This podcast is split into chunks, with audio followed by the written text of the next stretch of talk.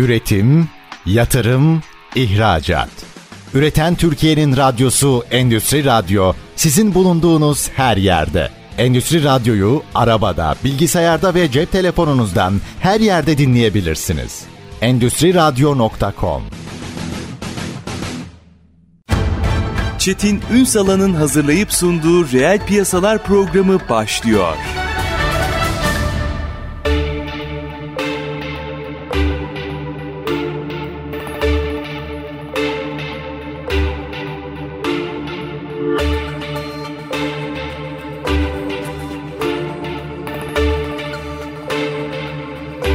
Reel piyasalardan merhabalar. Türkiye'nin gerçek gündeminde birlikteyiz efendim. Bugün güvenlik ve bariyer sektörünü mercek altına alacağız. Aslında hemen güvenlik ve bariyer dediğimde herkesin gözünde canlanıyor ürünler ama gördüğünüz gibi değil. İşin rengi değişti. Oraya bir kıllı unsurlar geldi. Oralar dijitalleşti. Veri yönetimi haline geldi. Sadece bir bariyer ya da güvenlik kaygısıyla yapılan bir işlemin aslında yeni ekonominin de önemli bir parçası haline geldiğini konuşmak gerekiyor. Çünkü onlar da akıllandılar. Hepsini konuşacağız. Sektörü konuşacağız. Çok kıymetli bir konuğumuz var. Arma Kontrol kurucusu ve genel müdürü Koray Kartal. Bugün reel piyasaların konu. Sayın Kartal yayınımıza hoş geldiniz. Çok teşekkür ediyorum. Sizler de iyisiniz Sağ olun, umarım. teşekkürler. Var Sağ olun. Çetin Bey, sağ olun. Üstad, gerçekten yani bariyer deyince herkesin gözünde bir fotoğraf çıkıyor. Doğru. Ama demin de dile getirdiğim gibi artık o bariyerler bariyer değil.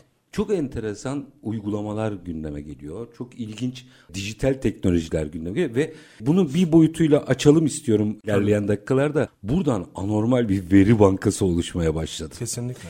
Şimdi ama genel anlamda bir sektörü konuşarak başlayalım. Ne durumda hem Türkiye'de hem dünyada bu iş ne pozisyonda? Bariyer sistemleri son zamanlar özellikle bu yayalaştırma projeleriyle hep söylüyoruz yayalaştırma projeleri, iş güvenliği de içerisine girdiği zaman çok ciddi anlamda bir geniş potansiyele sahip olmaya başladı. Sizin de çok güzel böyle değindiğiniz bir yer var. Akıllı hale gelmeye başladı. Akıllı hale gelmek demek özellikle akıllı şehirlerle entegrasyonlu ürünleri çok tercih ediyorlar. Bunların içerisinde neler var? Enerji Mesela e, düşük bir enerjiyle yüksek verimlilik, araçların giriş çıkış sayıları, buna göre analizler, trafiği yönlendirme. Çok ciddi anlamda bariyerlerin hem e, yayalar için hem araçlar için önemi düzeye iyice çıkmaya başladı. Malum bu Orta Doğu'da özellikle olan olaylar vesaire bunlara da baktığınız zaman o alanda da ciddi sertifikalı e, çarpışma testlerine uygun ürünler üretilmekte. Türkiye bunun tam ortasında. Neden diyecek olursanız hem üretim anlamında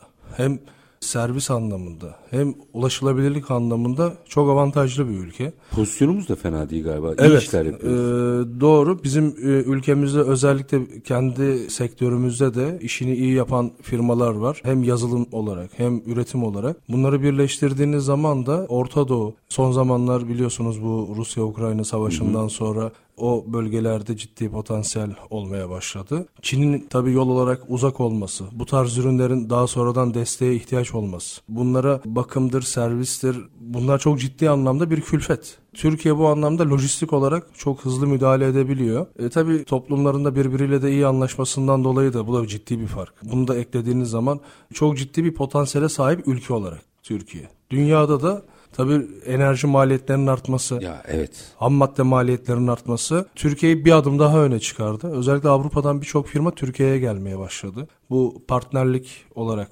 ortaklık olarak firma satın almaları. Bir tür merkez olmaya başladık Tabii yani. tabii. Özellikle önümüzdeki bir ilk 3 yıl biz çok ciddi anlamda Avrupa'dan buraya firmaların ya da bu işi yapmak isteyenler için çok ciddi bir pazar olduğunu. Çünkü hali hazırda şu anda bile son 2-3 yılda biz İtalya, Fransa buralara ürünü gönderiyoruz. Firmalar bu üretimlerimizden sonra markalarını üzerine yapıyorlar ve ihracat yapıyorlar. Yani biz İşin private label pazarı da büyüdü Tabii yani. tabii tabii tabii çok ciddi anlamda. Çünkü bizim buradaki maliyetler tabii Avrupa'ya göre daha uygun. Tabii. En önemlisi yazılım da teknolojiyi de çok ciddi anlamda son 10 yılda Türkiye hızlı şekilde gidiyor. Bunun da çok büyük bir avantajı oldu. Standartlar biraz daha oturtmaya başladı bizim sektörümüzde. E, devletin bazı teşvikleri, destekleri, sanayi, üniversite işbirlikleri bunlar da çok ciddi avantaj sağlamaya başladı. Dolayısıyla bu Türkiye ciddi anlamda önümüzdeki 3 yıl 4 yıl çok ciddi bir pazar payı elde edeceğini düşünüyorum ben. Orada biraz şeyi açalım mı? Şey, güvenlik dediğimiz çok üst bir çatı. Doğru. Sektör güvenliğin neresinde? Ne yapıyor tam olarak? Belki onu doğru tanımlamak lazım. Şöyle aslında çok geri planda gibi duruyor ama bugün önce ben hep bunu sohbetlerimizde de söyleriz. Önce sizi bariyerler karşılıyor. Her bir binanın önce girişi var. Daha sonra içeriye giriyorsunuz. Ki şimdiki konut veya gayrimenkul diyeyim iş yerleri Doğru. de aynı. Tamamen neredeyse buna dönmeye başladı. Tabii mesela trafiğin ciddi anlamda problem olduğu dönemler bu park sorunları vesaire çok ciddi anlamda e, insanlar çok tartışmalar yaşıyor, kavgalar ediyor.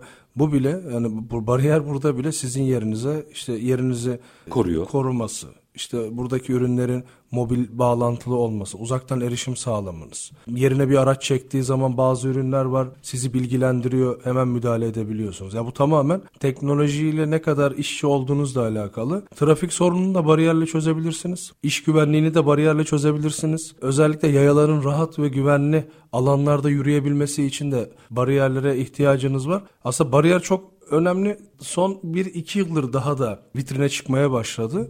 Güvenlik sektöründe olmazsa olmazlar. Önce kapıdan başlıyor diyorum ben hep güvenlik. Doğru doğru. Buradaki işte kameralar, içerideki yaya geçişleri için turnikeler, binanın araçlarını tanımlayan sistemler, OGS plaka okuma sistemleri. Bunlarla bir bütün hepsiyle entegre çalışıyor. Aslında bir disiplin veriyor. Tabii Yani kesinlikle. sırf asayiş olarak bakmamak lazım mesela. Kesinlikle, kesinlikle. Şu bile çok ciddi sağlık açısından farklı bir bakış açısı söyleyeyim. Otoparkla biz AVM düşünün. Bir AVM otopark dolu olduğu zaman bariyerin açılmaması içeride boşuna dolaşan araçların egzozundan çıkan duman bile insan sağlığını etkiliyor baktığınız zaman. Yani ne kadar detaylı ve ince baktığınızla alakalı bu Doğru, konu. doğru. Bariyerler de hep engel diye bilinir ama aslında bir önlem alma durumudur derim ben.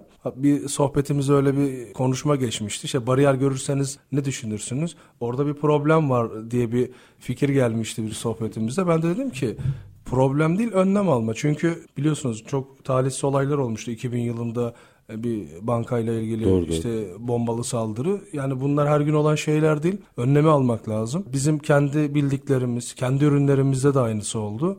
Bir iş güvenliğiyle ilgili kamyonun işte freninin patlayıp depoya doğru giderken bariyerin o kamyonu Durdurması.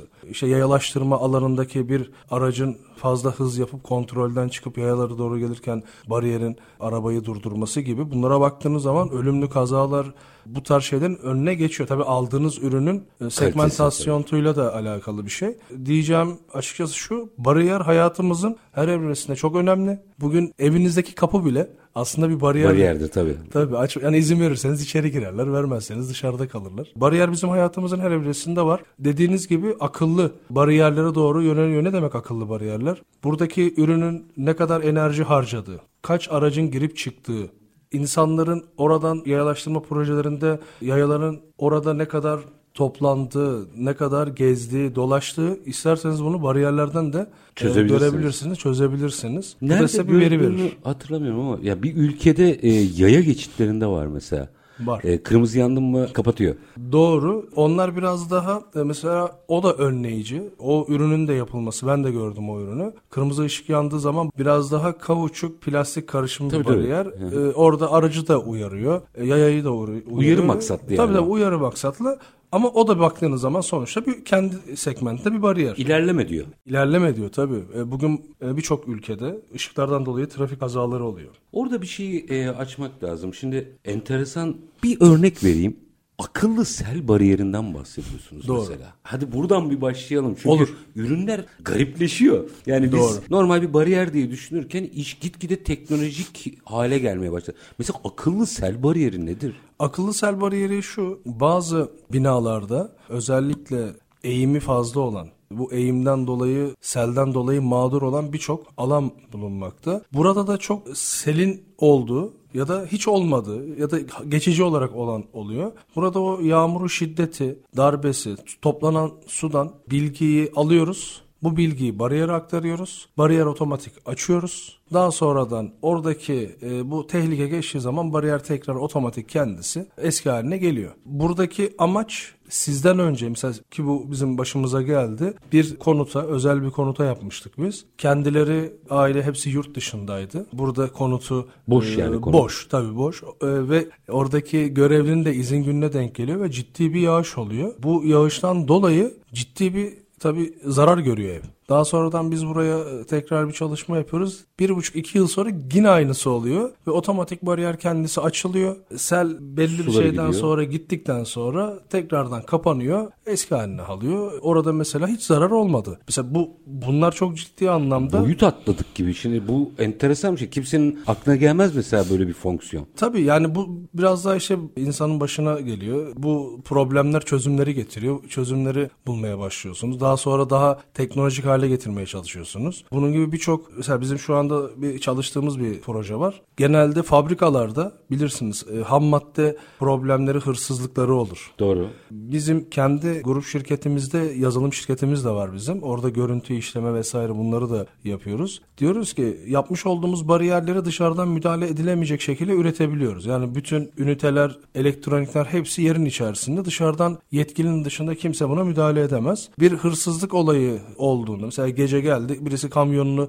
çekti fabrikanın önüne. Diyoruz ki burada bir problem olursa sistem ister önden kişi kameraların vasıtasıyla uyarsın, açsın, onay verirse bütün her yeri bariyerleri kapatıp arabayı dışarı çıkarmasın. Ya da önceden katsın ve hemen Girişine yetkiliye evet hemen yetkiliye bilgi versin. Buradaki amaç ne? Büyük yüklerin, hani ağır yüklerin hırsızlıklarını önleyebilmek. Bundan şunu anlıyorum. Üstad belki açabilirsin. Bu çok Tabii. güzel bir örnek. Bariyer dediğimizde çıkalım sokağa. Herkes amiyane tabirle ne olur? Ee, bir sopadan bahsedecek. Doğru, kol diyecekler. Ama ortada bir sizin anlattığınız işin içinde mühendislik var. Doğru. Yani bir yere bir sopa koymak değil o. Değil. O bir mantığı ve mühendisliği var anladığım kadarıyla. Doğru. Bu bariyerlerin her birinin kendi içerisinde sizin bahsettiğiniz mesela kollu bariyerler. Bu kollu bariyerlerin bile baktığınız zaman çarpışma testine dayanıklı olanları var. Normal site bariyeri var, kontrollü geçiş için var, hızlı bariyerler var, otobanlar var. Sadece kendi içerisinde 8-10 segment ayrılabiliyor. Bizim mesela bu hırsızlıkla ilgili anlattığımız yerden çıkan hidrolik ya da pneumatik tip bariyerler dediğimiz güvenlik bariyerleri. O bizim hani evet silindir gibi evet silindir silindir gibi silindir şeklinde olanlar. Bunların da standartları var. Çarpışma testi olanları var. Yüksek güvenlik olan var. Orta ve düşük segmentli olanlar var. Buradaki en büyük avantajımız bizim şu. Biz mekanik üretimini, elektronik yazılımını, karttaki yazılımı, normal software yazılımlarını hepsini kendi bünyemizde yapıyoruz. Yerli yani. Hepsi yüz yerli. Zaten benim şöyle bir mottom var her zaman. Türkiye'de üretilen bir şey ben yurt dışından getirmem. Lazım evet. zaten. Ben e, kesinlikle yurt dışından çok az bir ithalatımız var bizim. O da Türkiye'de üretilen ürünler değil zaten. Onun dışında tamamen biz yerli e, çalışmalar yapıyoruz. Hatta biz şunu da çıkardık kendi içimizde ve e, profesyonel bir firmadan destek alarak. Biz 2006'da bu sektöre girdiğimizde yerlilik oranı %56 idi. Bazı ürünlerde %79'a çıkardık. Bazı ürünlerde %84'e çıkardık. Bazı ürünlerde %92'ye çıkardık. Ki en büyük de rakibimiz bizim genelde de Avrupa firmaları. Ki ihraçta ediyoruz diyorsun. Tabii tabii 74-75 ülkeye bizim ihracatımız var. Şimdi minik bir araya gideceğim ama aranın ardından işin bu boyutunu açmak istiyorum. Bu arada merak ediyorum. Şey yazılımla oluyor herhalde değil mi? Ambulanslar, trafik araçları falan, polisler falan onlar tanımlanıyor herhalde değil mi? Tabii tabii onlar da Beyoğlu'nda çok görüyorum çünkü. Doğru doğru tanımla, tabii, tanımlayabiliyorsunuz. Tanımlıyor onlar. Doğru tanımlayabiliyor. Tamam bu merakımı da giderdim. İşin bu mühendislik boyutunu biraz konuşmak ve Olur. yerli olarak aslında ne yapabiliriz'e gitmek istiyorum. Çünkü bu aynı zamanda büyük bir veri bankası. Kesinlikle. Yani benim bariyer sistemi sattığım her ülkede veri topladığım anlamına gelir. Doğru. İşin bu boyutlarını da biraz konuşmak istiyorum ama minik bir araya gidelim. Aranın ardından Arma Kontrol Kurucusu ve Genel Müdürü Koray Kartal'la sohbetimiz devam edecek. Lütfen bizden ayrılmayın. Üretim, yatırım, ihracat. Üreten Türkiye'nin radyosu Endüstri Radyo sizin bulunduğunuz her yerde. Endüstri Radyo'yu arabada, bilgisayarda ve cep telefonunuzdan her yerde dinleyebilirsiniz. Endüstri Radyo.com Kısa bir aranın ardından reel piyasalarda tekrar sizlerle birlikteyiz. Konuğumuz Arma Kontrol Kurucusu ve Genel Müdürü Koray Kartal. Güvenlik ve bariyer sektörünü mercek altına alıyoruz. Alırken de akıllanan süreçleri, daha doğrusu yazılımın, dijitalleşmenin gündeme geldiği, bunun performansı arttırdığı bir konjonktürü de konuşuyoruz. Şimdi bir kere şu çok kıymetli. Şimdi soracağım soru bir tık öncesine gittiğimizde bunların yerli oluyor olması veri toplama açısından çok kıymetli. Akıllanan bariyer sistemleri veya güvenlik sistemleri açısından baktığımızda ihracatçı da bir ülke olduğumuza göre işin şu veri ekonomisi tarafını biraz açalım mı? Çünkü evet sektörde iyi yapmak, kaliteliyi yapmak tartışılıyor. ürün geliştirme tartışılıyor ama yani bir kapı düşünün ki kapıdan birileri giriyor çıkıyor. Dünyanın en önemli verisi. Burayı biraz konuşalım. Bunun ne kadar farkındayız? Farkında olan taraf çok az. O az olan taraf bu verileri şöyle kullanıyor. Direkt reklam ve pazarlama olarak kullanabiliyor. Bir iki böyle sigorta firmasıyla, AVM ile vesaire bunları biz konuştuğumuzda işte hatta bariyerlere reklam alma gibi böyle bir sohbetimiz oldu ama biz tabii o tarafında değiliz. Yani biz bariyerimizi en iyi şekilde yapalım, verelim. Buradan istediğiniz bir veri varsa bunu da size verelim. Siz kendi bunu ticaretinize şey vesaire uygulayabilirsiniz. Ekonomi var çünkü orada. Tabii tabii kesinlikle. E, bugün size şu bilgiyi verdikleri zaman içeride bir sürü araç görüyorsunuz ama o araçlar aslında sürekli yer değiştiriyor. Bugün bir proje yaptık biz. 80 kişilik bir otopark. Fakat 240 otoparklık bir oradan veri almaya çalıştık ve ücretlendirmeyi bu şekilde kuruma verdik. Nasıl yaptık bunu? Dedik ki şöyle yapalım. Sabah gelen, akşam çıkanlar, akşam gelip sabah çıkanlar ve 7-24 gelenler. Bu 3 e, veriyi ayırdığınız zaman çok ciddi anlamda gelir de elde edebiliyorsunuz. Reklam da yapabiliyorsunuz. Ulaşabileceğiniz bazı noktalara daha rahat ulaşabiliyorsunuz. Bunlar çok önemli. Bariyerlerden bu verileri alanlar genelde reklam pazarlama verisi olarak kullanıyorlar. Çok da faydası oluyor. Ben e, mesela fabrikalarında kendi bariyer veya güvenlik sistemlerinde stok yönetiminden iş güvenliğine kadar birçok noktada işi çözebileceklerini düşünüyorum. Doğru. Mesela birçok fabrika mutlaka farkında olanlar var. Onları hani tenzih Tabii, tabii. ediyorum. Genel konuşuyorum. Orada aslında bir kıymet olduğunun farkında değil. Onu nasıl anlatacağız? Şöyle zaten her sektörün kendi içerisinde dinamikleri vardır. Onlara bakmak lazım ama şu bile çok önemli. Bir aracın saat kaçta gelip kaçta çıktığı, içeride ne kadar kaldığı, o ne kadar kaldığının sorgulamasının yapılması, günde kaç kere girip çıktığı, buradan işte bizim yazılım şirketimize iş devri olmaya başlıyor. Kurumsal kaynak planlamasına geçiyorsunuz. Oradaki yakıt maliyetleri, benzin maliyetleri, iş maliyetleri, zaman maliyetleri buraya girdiğinizde bambaşka bir yere gidiyor olay dediğiniz gibi. Sadece bir bariyer olmuyor bu sefer. Sadece güvenlik de olmuyor. Siz o araçların günlük kaç kere girdiğini, kaç kere çıktığını ya da size gelen araçların sizin yerinize gelmemesi, sizin çünkü ben şunu bir otoparkta biliyorum. 20 dakika yer arıyorum diyenler var. Yani 20 dakika yakıt maliyeti, zaman kaybı.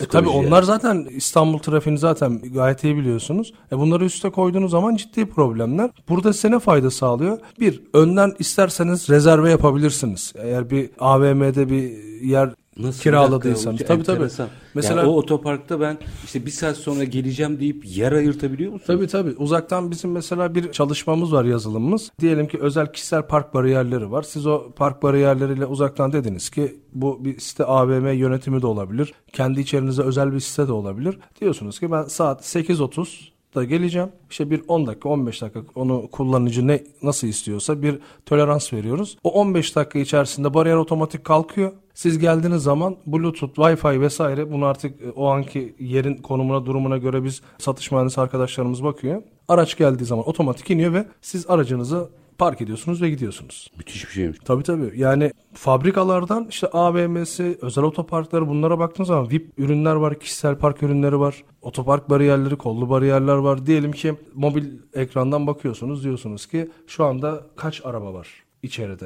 Ne kadar boş yerimiz var? Ha, bazen yollarda görürüz mesela Tabii. en yakın otoparkta 20 araç boş falan diye yazar. O bu böyle bir sistem. tabii bu. tabii tabii. Yani hem dolu boş olarak da buna bakabilirsiniz yazılımda. Hem bariyerin mesela geldiniz içeride yer aramaktansa bariyeri önden açmamanız bile size bir zaman Gidip başka kazandırıyor. bir Ve ya- tabii tabii başka bir çözüm bulursunuz ya da beklersiniz. İçeride boşuna dönmezsiniz. Bunları topladığınız zaman çok ciddi. Özellikle İstanbul'da. Şimdi orada benim biraz farklı bir hayal kurdum size anlatırken. Çünkü bizim akıllı şehirlere doğru gittiğimiz bir süreçteyiz. Bütün dünya sırf biz değil. O zaman ben aslında bu güvenlik ve bariyer sistemleriyle akıllı bir şehirde bütün şehri yönetebilirim. Kesinlikle. Bizim böyle yaptığımız Özbekistan'da bir projemiz var. Açar mısınız biraz enteresan? Tabii. Biz bir otel projesiyle otelin etrafında bir e, yayalaştırma projesi yaptık. Firma kökeni Amerika tabanlı. E, Buradan oturduğu yerden e, tek tek ürünler aşağıda mı, yukarıda mı, elektrik var mı, herhangi bir arıza var mı, belli saatlerde açıp kapamayı hepsini tek merkezden e, Amerika'dan yapıyor. Bütün oradaki sisteme ulaşımı İnternet üzerinden ürünleri de biz daha akıllı hale getirdik. İşte o bilgiyi verebiliyor. İşte bakım zamanı geldi. Şu da bir arıza var. Elektrik gitti.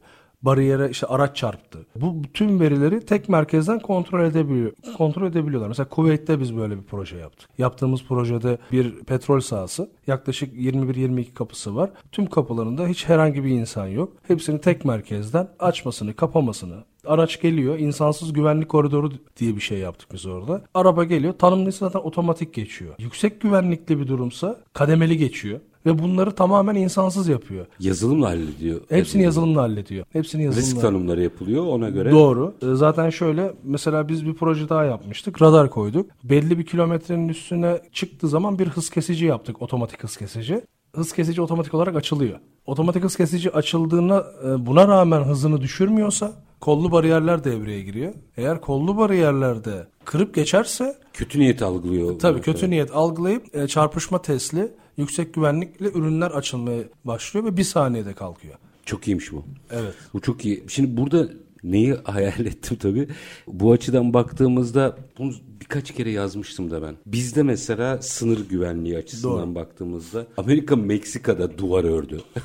Doğru. Bunlara gerek yok ki artık. Yani akıllı sistemler galiba artık sizin bir duvar örmenizi ya da orada birinin beklemesini gerektirmeyecek kadar süreç yönetebiliyor. Doğru. Yanılıyor muyum? Yo mesela hareketli duvarlar yapılabilir aslında böyle bir proje daha önce bize gelmişti tabii ama şöyle bir şey var Çetin Bey. Baktığınız zaman tabii biraz da bu işlerde maliyet de söz konusu. Orada küçük bir çalışma yapmadığınız için bu maliyetleri göz önüne aldığınız zaman bazen beton duvar örüyorlar geçiyorlar. Ama şimdi beton duvarın aşılma ihtimali çok yüksek. E, tabii, kesinlikle. Yani biraz ne kadar atletik olduğuna bağlı yani. Kişinin. tabii. Peki onun ötesinde şimdi bir tık daha büyüteceğim hikayeyi. Evet biz bununla işi yönetebiliyoruz. Aa, Şimdi işin içine veri girdiği zaman ben Avrupa pazarına gidiyorum, Orta Doğu pazarına Doğru. giderim, her yere giderim ki siz programın başında konjonktürel olarak da jeopolitik olarak da Türkiye'nin burada odak noktaya gelmeye başladığını Tabii, söylediniz. kesinlikle. Şimdi ben buradan bir big data oluşturabilir miyim diye bir hayal kurdum şimdi. Şöyle tabii KVKK konuları da devreye giriyor Şüphesiz. burada. Biz sadece kişiye verileri verebiliyoruz. Bize herhangi bir e, izin vermediği için biz yetkili e, ya da işte o veriye bilgiye ulaşabilecek kullanıcıyı tanımlıyoruz ve biz oradan çıkıyoruz. Ben kamunun kontrolündeki bir şeyden bahsettim, havuzdan. Kamudaki şöyle aslında yerli programlar yazılımlar da başladı şu anda. Zaten anlaşmalar yapıyorsunuz. Data size gelmeden direkt zaten Kamuya gidiyor. Tabii tabii gerekli yere gidiyor. O araya zaten giremiyorsunuz ki girmemeniz de lazım zaten. Kamu zaten bu taraflarını kendi içinde çözüyor. Biz sadece orada teknolojiyi veriyoruz.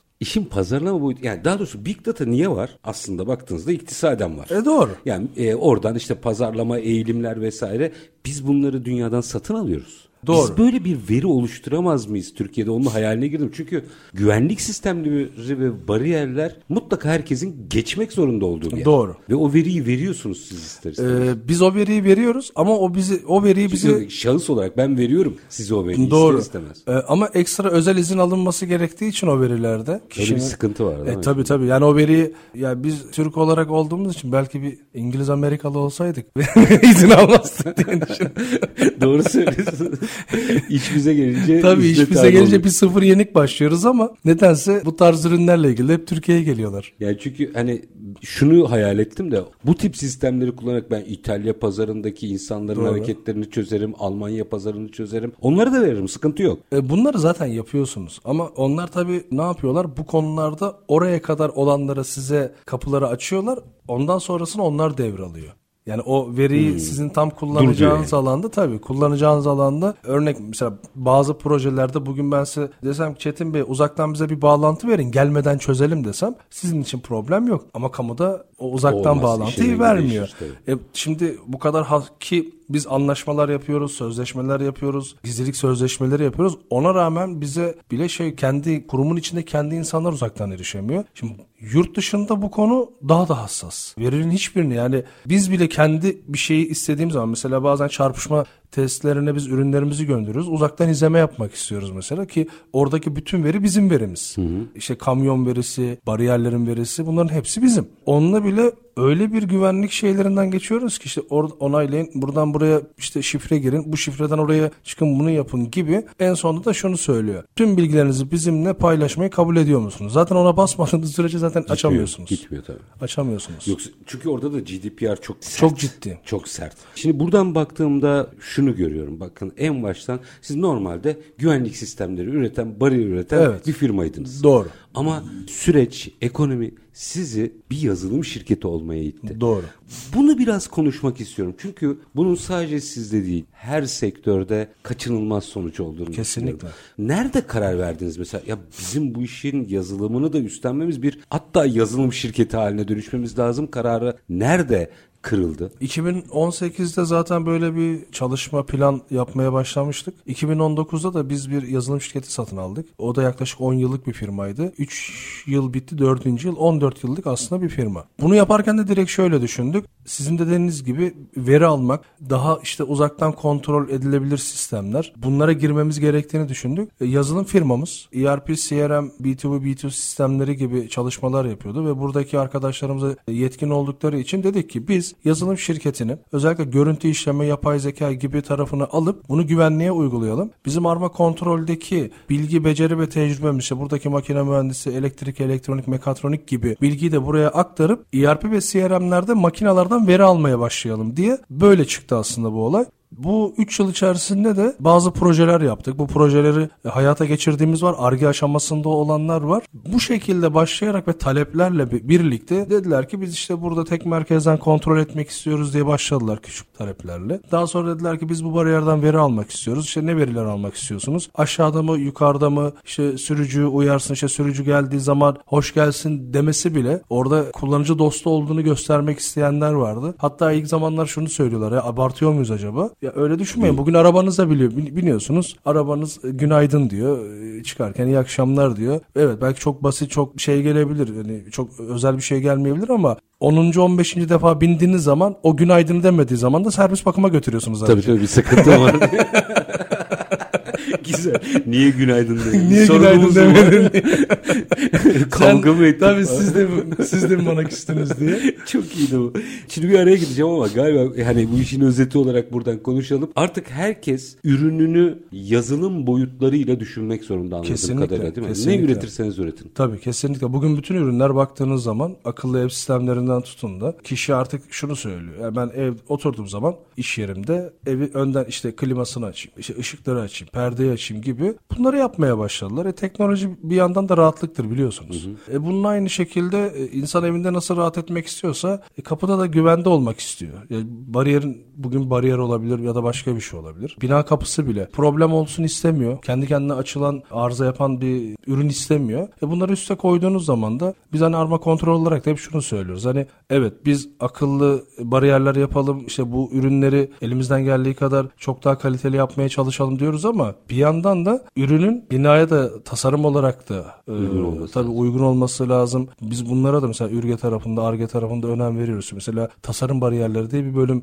kendimizde açtık. O işte binanız nasılsa biz e, mimar arkadaşlarımız gidiyor. Binaya uygun bariyer tasarımları yapıyor. Biz biraz daha işi güvenlikle tasarımı birleştirerek kaliteyi de arttırarak çok daha hani teknolojiyle de buluşturalım diyoruz. Biraz daha farklı bir e, katma değer sağlamak İşler istiyoruz. kompakt bir hale geliyor anladığım kadarıyla. Evet, daha butik Ve oluyor. Bu siz bariyer tarafında veya güvenlik tarafında, sistemleri tarafında yapıyorsunuz. Herkes hangi sektörde faaliyet gösteriyorsa göstersin galiba ürünle bu gözle bakmak zorunda. Öyle bir sürece giriyoruz. Doğru. Doğru. Yani binanın rengini düşünen, çiçeğin saksının rengini düşündüğünüzde artık kapınızdaki sizi ilk karşılayan bariyer ya da güvenlik kabinleri gibi ürünlere de çok daha özellikle son 2-3 yılda e, çok ciddi anlamda dikkat ediyorlar firmalar. Minik bir araya gideceğim. Aranın ardından yine açacağız bu konuları. Arma Kontrol Kurucusu ve Genel Müdürü Koray Kartal konuğumuz efendim. Güvenlik ve bariyer sektörünü çok fazla da konuşulmayan yanlarıyla konuşuyoruz. Kısa bir ara. Aranın ardından reel piyasalar devam edecek. Lütfen bizden ayrılmayın.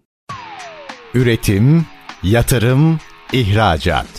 Üreten Türkiye'nin radyosu Endüstri Radyo sizin bulunduğunuz her yerde. Endüstri Radyo'yu arabada, bilgisayarda ve cep telefonunuzdan her yerde dinleyebilirsiniz. Endüstriradyo.com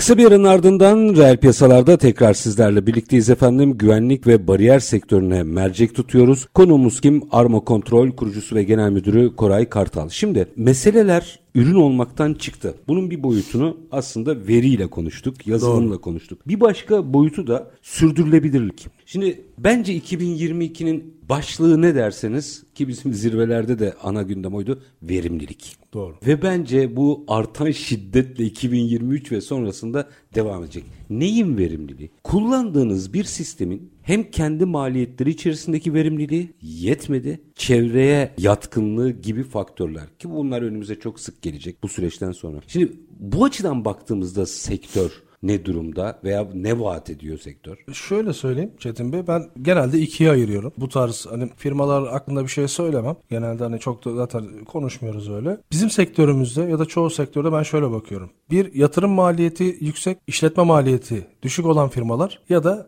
yatırım maliyeti düşük, işletme maliyeti yüksek olan. İşte biz o işletme maliyetine bir türlü konsantre bunu da, olamıyoruz. Evet, bunu ama şöyle, bunu bizim gibi firmaların iyi anlatması lazım. Sonuçta biz bu işin içerisinde olduğumuz için yani o kötü bu iyi diye değil de ürünler... Teknik konuşuyoruz zaten. Kim Tabii. bu tekniğe uygunsa sıkıntı Kesinlikle. yok. Kesinlikle. Bizim mesela önceliğimiz şu. Diyoruz ki bir diyalogumuz olmuştu bir iş ortağıyla. Dedi ki yani sizin alımlarınızın ve iskontolarınızın yüksek olduğunu biliyorum. E, niye siz işte şu firmadan yükseksiniz gibi bir dönüş oldu bize. Biz de dedik ki ya biz onu vermiyorsak bir bildiğimiz var. O, o model, o üründen. Sonra oturduk dedik bakın e, sadece ürünün kalitesinden bahsetmeyelim. Onu geçtim. Bizim size verdiğimiz motorun 100 watt, işte ikinci ürünümüz 120 watt. O ürün 550 watt.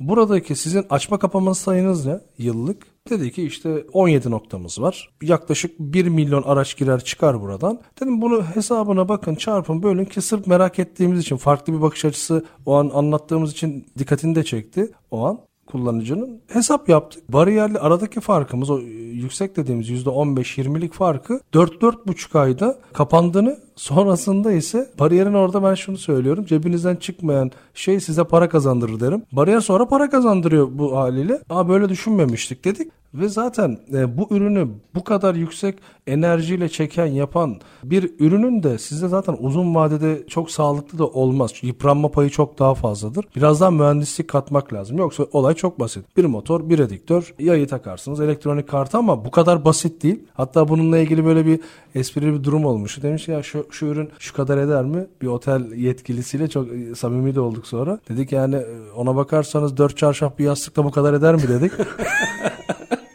Çok nasıl baktığınıza bağlı. nasıl baktığınıza bağlı. Dolayısıyla bizim burada yatırım maliyeti yüksek olduğunda iyi anlatmamız lazım. Çünkü işletme maliyetleri daha sonrasında bizim yatırım maliyetlerimizden daha yüksek çıkmaya başlıyor. Baştan firmalar ne kazanacağını bilirse, işte müşteri, iş ortağı, çözüm ortağı ne kadar ödeyeceğini bilip sonrasında sürpriz çıkmazsa çok iyi. Fakat önden uygun adı altında ucuz ürün alıp işletme maliyeti dediğimiz oradan ne kadar çıkacağı belli değilse zaten orada bir biz hepsi şunu söylüyoruz. Bizim yapacağımız ürün bu. Mahcup olmayacağımız ürünler bunlar. Alacaksanız da bu segmentte bir ürün alın. Çünkü sizin başınız ağrımaya başlarsa bugün yanlış ürün almadan dolayı sizinle de sohbet ettiğimizde de konuşmuştuk. Orada yerin durumuna göre kullanmadığınız sensörden bile araç kazası olabilir. Tabii. Araca doğru. zarar verebilir. E, ya da bir kollu bariyeri düşündüğünüz zaman oradan geçen bir yayın üzerine düşebilir. Yani bariyer parası araçtan çıkabilir. Tabii tabii bariyerden çok daha fazlasının. Şeye bayıldım üstad ya. Dört yastık bir çarşı. Doğru oradan bakarsanız. Yani, yani nereden orada. bakarsanız tabii, yani tabii. herkesin mesleği ve yaptığı iş basitleştirmemek lazım. Çünkü bilmediğimiz zaman kolay gelmeye başlıyor bazen. Sıkıntımız orada. Fakat biz ürünlerimizi bir günde üretmiyoruz. Yani bunun üzerine çalışıyoruz, yapıyoruz, oluyor, tekrardan deniyoruz. Çünkü bizim amacımız burada yaptığımız ürünün araç çarptığında bile yani yeri geliyor. Basit ürünler bile olsa araç çarptığında bile araca da çok zarar vermesin, ürüne de çok zarar vermesini ortak paydada buluşturmaya çalışıyoruz. Hmm, önemli. Tabii öyle ürünler de var. Yani evet olabilir. Yani yanlışla geri geri gelirken, ileri gelirken, sağa giderken bariyere çarpabilir. Mesela sadece bunun için biz kollu bariyerlerimizi akıllı hale getirip işte araç çarptığı zaman kol otomatik açılanı var, yukarı çekileni var. Ya burada şunu diyemeyiz. Kusura bakmayın siz araç çarpmışsınız. E, vurduktan sonra e, işte şu kadar ücret teknik servis bedeli kolu bu, ne, neyse bunun ücreti deyip çıkamayız. Biz burada aslında kullanıcı kullanıcıyı da düşünüyoruz. Hem bu ürünü alan firmaları, işte siteleri, kullanıcıları hem de aracı kullanan insanlar da yanlışlıkla da vurabilir. Teknik servisten daha sonradan çok ücret geri dönüşü olması değil de doğru ürünü verelim. Kullanıcı da memnun olsun. Araçtaki şoför de memnun olsun. Toplam maliyete bakmak lazım. Kesinlikle. Ya şimdi teknolojiye yatırım yapıyorum diyorsunuz, yazılım yapıyoruz işte falan. Bu kadar. Şu elle kaldırmayı çözebildiniz mi? Ya ben mucize gibi. Yani niye bir bariyeri elle kaldırmaya zorlarsın? Ben bunu o kadar çok şahit oluyorum ki. Kumanda vermezseniz kaldırıyorlar. Ama ama niye yani? Yani açılmıyor işte yani. Açılmıyor. Bütün dişleri kırarak her seferinde ondan sonra hadi bir daha çok başımıza geldi. Evet. Çok yerde başımıza geldi. Açılmıyorsa elleme birader. Yani niye elle? Bunu nasıl çözeceğiz? E, Bunların zaten aslında e, böyle yerler için de çözümler var. E, Yani dişli sistemlerinin daha çelik olan, işte daha kitleme e, hidrolik sistemlerini ekstra güçlendirmiş. Böyle mesela kamunun açık alanlarında bu sıkıntıların olduğu yerler var. Biz bunları genelde daha yüksek tork elde ettiğimiz motor e, grupları ya da rediktör grupları yapıyoruz. Çözümü var yani. Çözümü var ama şöyle Çetin Bey mesela sizin o dediğiniz ürünler genelde Otopark girişi falan Otopark filan. Yani açık otopark Evet evet. Yani falan. şey e, fiyat performans anlamında aslında kimse bir şey yapmasa belki çalışabilecek Evet. bariyerler ama ya maalesef e, biliyorsunuz Yani nasıl bir duygu bunu çözebilmişsin bilmiyorum. Dünyada da gidiyorsunuz her yerde var mı aynı problem? yani olan yer var olmayan yer var ama olan yerle olmayan yerin arasındaki farkı görüyorsunuz zaten. Net bir cevaptı. ya, ama yani çok enteresan bir duygu. Bir de şöyle bir duygu var. Onu da açmanızı rica tabii. edeceğim. E, tamam koyalım bir şey. Bunu eleştirmek manasında değil, doğrusunu öğrenmek manasında söylüyorum. Bir yere bir sistemin kurulmasının kriteri ne? Yani ben bir yere güvenlik sistemi ya da bariyer kuracağım. Yerden çıkmalı ya da işte e, Kollu bariyer. kollu bariyer. Bunun kararı neye göre veriliyor? Bu Madem tamamen sizin konuşuyoruz. tabii tamamen sizin risk analizinizle alakalı. Biraz açar mısınız? Tabii. Bu seçimde önemli çünkü. Tabii şöyle söyleyeyim. Mesela bazı bölgeler var. Mesela dağlık alanlarda bile biz bunu mobil blokörler yaptık. Güneş enerjisi, işte elektrik olmadan çalışan bazı güvenlik noktaları oluşturuyorsunuz. Araçların güvenli geçmeleri için. Bunda da yine çarpışma dayanımı olan bariyerler var. Mobil alıyorsunuz, götürüyorsunuz, koyuyorsunuz. Direktman elektriği bağlamadan çalıştırdığınız ürünler de Şey, var. Güneş enerjisiyle çalışan ürünler de var. Sizin tamamen buradaki risk derken iş güvenliği riski olabilir, saldırı riski olabilir ya da hızlı geçen araçların sürekli mes- ki başımıza haberlerde görüyorsunuz. Araba di- direkt bir dükkana, bir işte Girebiliyor bileyim tabii. markete Ya da hem zemin geçitleri olabilir. Tabii de hem yani. zemin geçitleri. Bu tamamen sizin oradaki önce arkadaşlar geliyor. Açıya bakıyorlar. Arabaların e, kilometre hızına bakıyorlar. Ne kadar kadar çıkabilir. Bunları size bir analiz olarak veriyorlar ve ondan sonra tekliflendirme, projelendirme ve tekliflendirme aşamasına geçiyorlar. Burada en büyük kriter sizin daha önce yaşadığınız tecrübeler, riskler bunlar sorgulanıyor. Ya da sıfırdan yapılacaksa size e, bilgisayarla simülasyonla bizim arkadaşlarımız bunların hepsinin projelerini hazırlıyorlar. Diyorlar ki örnek veriyorum işte burada 7,5 tonluk bir araç işte 48 kilometre hızla gelebilir. Bunu da tamamen simülasyonla size getirip bakın bu şekilde bu Sonuç açıdan budur. evet sonuç budur deyip sizin bu ürüne ihtiyacınız var. İşte burada tabii sizin binanızın güvenlik e, müdürleri, idari işlerle ilgili bu departmana bakan müdürlerle ya da yetkililer kimse bunlarla bizim arkadaşlarımız oturuyorlar. Bir fizibilite yapıyorlar. Bunları simüle ediyorlar. Projelendirip size getiriyorlar. Yani ben güvenlik sistemi ya da bariyer diye bir sektörü şöyle diyeyim seri üretim gibi düşünemiyorum o zaman. Bu Doğru. Biraz terzi işi anladığım kadarıyla. Ee, bunun aslında bu modeli yapan bunun da 3-4 tane modeli var. Bir seri üretim. Yani bir ürün yapıyorsunuz. Suudi Arabistan'a da gönderebilirsiniz. Rusya'ya da gönderebilirsiniz. Standart ama, bir şey. Evet ama bu ürünler orada çalışmaz. Çünkü birisinin hava çok sıcakken diğerinde hava çok soğuk. Bir böyle ürünler var. Yani standart ürün yapıyorlar. Gönder. Bir ticari model bu. Bir butik çalışılan direkt sizin ki biz bu sınıfa giriyoruz. Yani sizin yerinize göre üretim yapıyoruz. Standart e, üretim yaptığımız zaman biz şuna inanıyoruz. Siz bir bariyer yapıyorsunuz. Biz Çetin Bey'e aldık bariyeri verdik. Çetin Bey'in giriş çıkışı belki 5000 araç kapasiteli. Otomatik olarak bu konuyla ilgili bir bilgilendirme yapılmadıysa ya da direkt ürünü alıp götürdülerse 500 bin kapasiteli bir bariyeri siz 5000 açma kapama yere koyarsanız o ürün 6 ay bir sene sonra zaten çalışmaz hale geliyor. Biz de burada diyoruz ki mutlaka keşif yaptırın. Fiyat farkları varsa mutlaka sorgulayın. Artık her bilgiye ulaşmak dünyada, Türkiye'de yani çok kolay. Bir her şey bir klavyede bilgisayarın tuşlarının Hatta ucu, telefonda. Tabii telefonda. Fiyatlar, yapılan malzeme. Çünkü her dört tekerlekli araba göründüğü gibi yani hepsi aynı olsaydı bu kadar içerisinde Segment segmentler olmazdı. olmazdı. E, Bizim bariyer de özellikle hidrolik bölümü, pneumatik bölümü olduğu için aslında otomotiv sektörünün yan sanayisi. Yani oradaki mantık neyse bizde de o. Çalışma sistematiği olarak. Tabii yani rakamlar ne kadar yukarı çıkıyorsa teknoloji ve ürünün ömrü o kadar yukarı çıkar. Aşağı ne kadar iniyorsa daha daha mekanikleşir. İşte bir, biraz öncesi anlatmış olduğum işte çok fazla enerji tüketirseniz daha uyguna mal edersiniz ama burada firmalar tamam ürünü satar çıkar gider ama kullanıcı baktığınız zaman uzun vadede işletme maliyetini çok daha fazla verir. Bunu anlatmak lazım. Ki bizim birçok projemizi de böyle anlatarak belki biz almasak bile bizim rakiplerimiz aynı şekilde bu mantıkta O mantığın Tabii bu, anlatılması. bu, bu mantıkta. Çünkü bariyer yaparsınız. Bunu yapanlar zaten hani insan. Mucize Ee, yaratmıyorlar. Evet. Ha, İş buna bir yapıyorlar. mühendislik katarak işte oradaki bakış açınız, oradaki iyi algılayıp o risk yerini iyi algılayıp oraya bir şey üretebilmek. Afrika'ya biz bir ürün yapıyoruz. İşte elektrik kesintileri çok oluyor. Diyoruz ki biz buraya evet yüksek torklu size bir ürün yapalım. İşte sanayi tipi motorlarla yapalım ama çok acil durumlarda küçük DC motorla yapalım ki elektrikten etkilenme. Kesilirse Kesilirse yapalım. de siz direkt elektrik ekstra şey akülerle bunları destekleyerek kaldıralım. Bu şekilde özel imalatlar yapılması kullanıcı için iyi aslında. uzun vadede aslında daha feasible oluyor anladığım Kesinlikle, kadarıyla. kesinlikle. Ee, süren bitti ama iki cümle şunu almak istiyorum. Tabii. Çünkü ilk başladığımız yere geleceğim. Türkiye'nin hızlı bir hub haline gelmeye başladığını diyorsunuz. Burada neyi doğru yaparsak sonuç alırız. Neyi ben- kaçırmayalım. Ben her zaman takım oyunundan yanayım. Yani burada bu işi yapacak insanların işin eğitimini alarak bilerek yapması, bilmediği yerde de bilenden destek almasını yaparsak bence konu çok daha rahat çözülür. Birbirimizin rakibi değil partneri olalım Tabii, sektörde tabii, kesinlikle, diyorsunuz. Bu kesinlikle. önemli bir e, mesajdı. Bir kere çok teşekkür ediyorum. Ben teşekkür ediyorum. Çok sağ olun. e, Çok keyifliydi. Bir bariyerin ve güvenlik sisteminin aslında nasıl bir ne noktalara kadar gidebileceğini çok net Çarşaf ve anlattınız. yastıktan farkını O gördük. muhteşemdi yani. evet yani yapılan bir hizmet varsa onun hakkını vermek lazım. Yoksa tabii o da günün sonunda Tabii. dört yastık bir çarşaf. Otel değil.